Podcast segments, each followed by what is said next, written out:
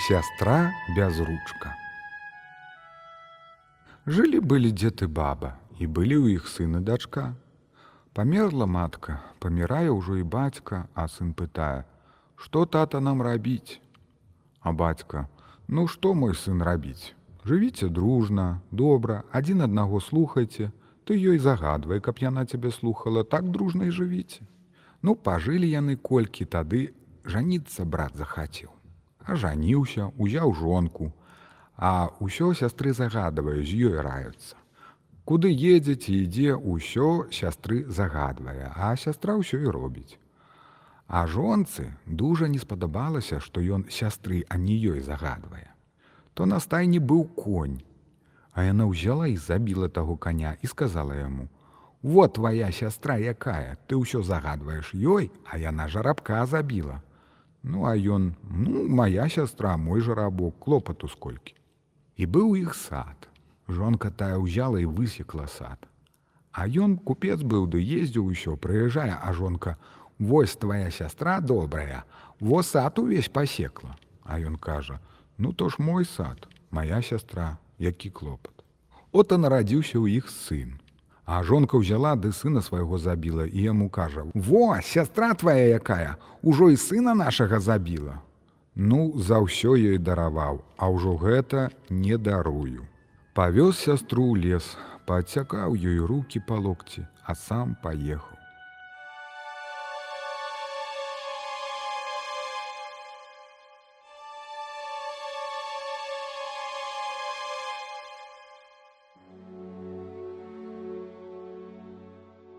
Апрытомніла яна і пайшла ў свет. Ішла галодная паўз царскі сад, захацелася ёй яблычка. Яна ў той сад ды даставаць, а тут убачыў яе царэвіч. І такая яна была прыгожая, што спадабалася царскаму сыну. Так ён кажа: « Тата, я возьму яе за жонку. Ну што мой сын падабаецца? Падабаецца яна мне, а што рук няма, то клопату. Узяў яе, пажылі колькі, нарадзіўся ў іх сын, а царэвіча не было дома. І вось пачула тая жонка брата, што нарадзіла тая сястра сына. І баба была ў яе змея такая, што навучала пра дрэнная. Ну вось, напісалі цар з царэўнай запісы, што нарадзіўся сын і направілі ўжо несці к царэвічу. А пасланец і зайшоў якраз да братавай жонцы на ноч. Яна пачытала і к бабе той, а баба тая кажа: « А давай напішам, што нарадзілася жаба, а не дзіцёнак. Узялі гэтак і напісалі, а той пасланец не знаў, узяў гэтую запіску і панёс. Прынёс царскаму сыну. Ён пачытаў, напісаў адказ: « Хто не нарадзіўся, да майго прыезду няхай жыве. Пасланец узяў пісьмо і зноў к тым самым нанач зайшоў. А тыя прачыталі, узялі гэтую запіску і спалілі, а самі напісалі: « Да майго прыезду, каб не было яе з гэтым дзіцёнкам. Ну што ж, прынёс пасланец запіску, а бацька з маткай пачыталі, А куды ж нам яе адправіць, А ў яе ж рук няма, Як жа ж яна? Прывязалі ей гэтага дзіцёнка і пусцілі і кажуць: « Ідзі куды хочаш, ты нам не трэба такая. Ну і яна пайшла. Ішла яна ішла, а то стаіць крынічка. Яна ў тую крынічку вады хацела зачарпнуць. Нагнулася, а дзіцёнак у крынічку упаў. Яна тады куксамі хапаць яго, і руки такія сталі, як былі. Яна дзіцёнка злавіла, увязала і пайшла. Ішла яна ішла, ішла неведама куды. Праз колькі дзён зайшла яна ўжо ў свой двор. А прыехаў ужо цар, і няма жонкі, а дзе ж яна? А ты кажуць, запіску прыслаў, каб яе не было, мы і адправілі, А куды? Адправілі, а куды яна пайшла і не ведаем. Пайшоў царэвіч шукаць яе. Прыходзіць клубцу таму, астаўся нанач. І якраз хлопчык той бегае, царэвіч кажа: « От ты Господі, хоць бы казачку, хто мне расказаў, Вось жонка моя, не ведаю дзе.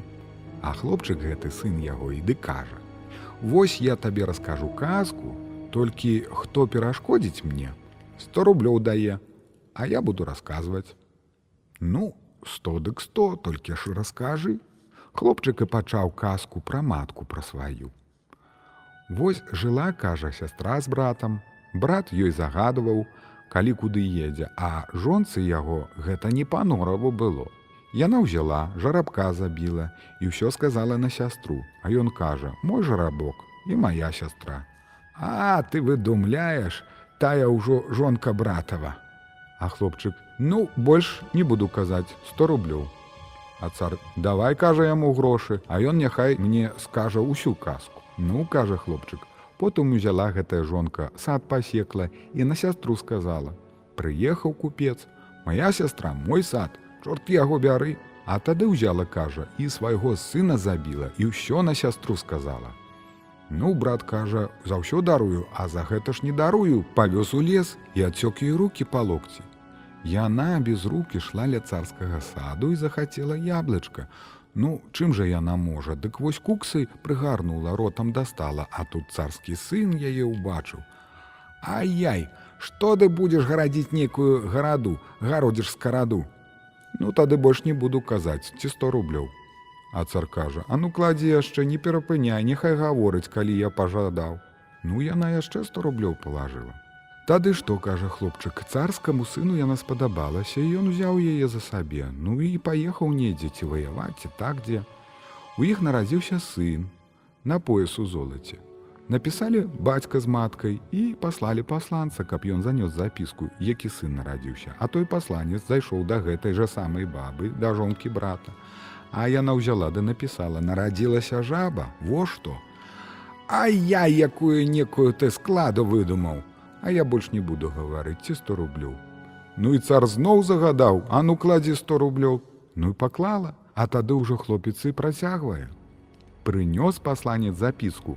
Цар пачытаў, засмуціўся і адпісаў: Хто не нарадзіўся да майго прыезду, каб быў.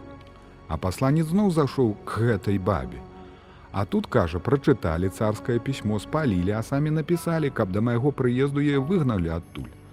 Ну і тады што кажа, баці і матка прачыталі, кажуць, нарадзіўся сын непрыгожы, па поясу золаце, А чаго ён напісаў, каб да майго прыезду яго не было, У яе ж і рук няма. Хай ідзе куды хочаш, куды ж мы яе адправім, але ж паслалі яе, прывязалі ёй да яе сына. Яна шла, захацела вадзічкі, нагнулася з крынічкі піць, а дзіцёнак тою ваду, а яна хапаць куксамі тымі, і ўсё з'явіліся руки, ну і стала з рукамі, вось такая моя казка.